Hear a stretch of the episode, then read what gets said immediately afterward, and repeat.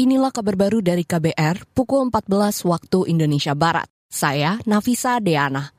Sidang pra peradilan yang diajukan Ketua KPK nonaktif Firly Bahuri hari ini menghadirkan saksi anggota Direktorat Reserse Kriminal Khusus Ditres Krimsus Polda Metro Jaya, Arif Budiman. Di hadapan Hakim Tunggal Imelda Herawati, Arif mengaku terlibat dalam penyelidikan dan penyidikan kasus Firly. Yang mana proses penyelidikan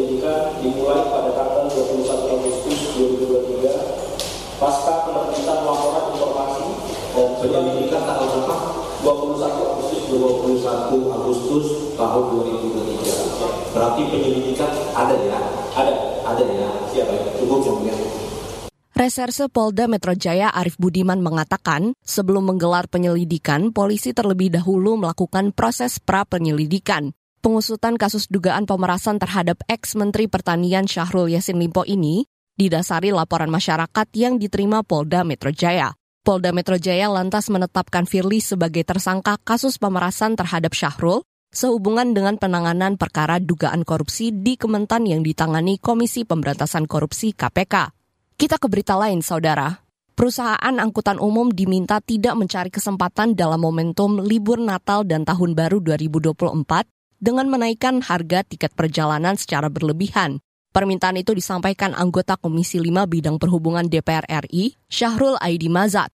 Menurutnya, masyarakat semestinya tidak dibebankan untuk membeli tiket di atas harga normal saat momen liburan hari raya dan pergantian tahun. Dan memang tidak boleh ada naik harga, ya. Karena ini pemerintah jangan memanfaatkan kesempatan dalam kesempitan begitu.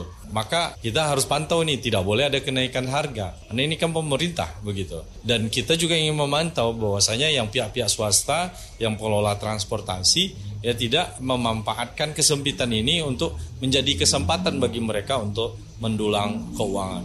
Saatnya lah untuk melayani masyarakat. Anggota Komisi 5 Bidang Perhubungan DPR RI Syahrul Aidi Mazat meminta agar seluruh sarana dan prasarana transportasi, baik darat, udara, hingga laut, berada dalam kondisi baik, sehingga dapat meminimalisir angka kecelakaan. Sebelumnya, Kementerian Perhubungan memperkirakan ada sekitar 107 juta orang yang akan melakukan pergerakan mobilitas di Nataru. Kabar Pemilu Kabar Pemilu Komisi Pemilihan Umum Daerah KPUD Solo melakukan promosi keliling untuk menggait hak pilih warga pendatang di Solo.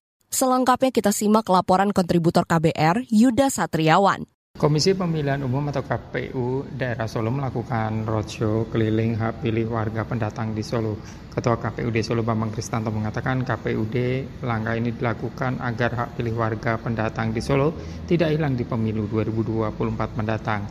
Menurut Bambang, kampus hingga rumah sakit menjadi sasaran sosialisasi DPT tambahan di Solo.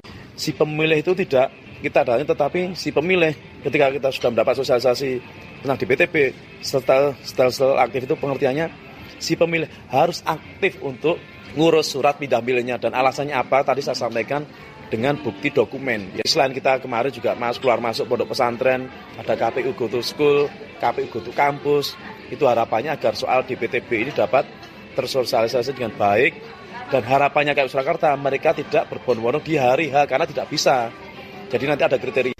Lebih lanjut, Bambang berharap kesadaran masyarakat untuk mengurus administrasi pemilu 2024 jika terjadi perpindahan domisili. Jangan sampai hak pilih hilang atau hangus, imbuh Bambang. Bambang menjelaskan proses DPT tambahan bagi warga pendatang agar mempermudah KPUD memetakan penggunaan hak pilih warga pendatang di berbagai tempat pemungutan suara atau TPS. Demikian kabar baru dari KBR, saya Nafisa Deana.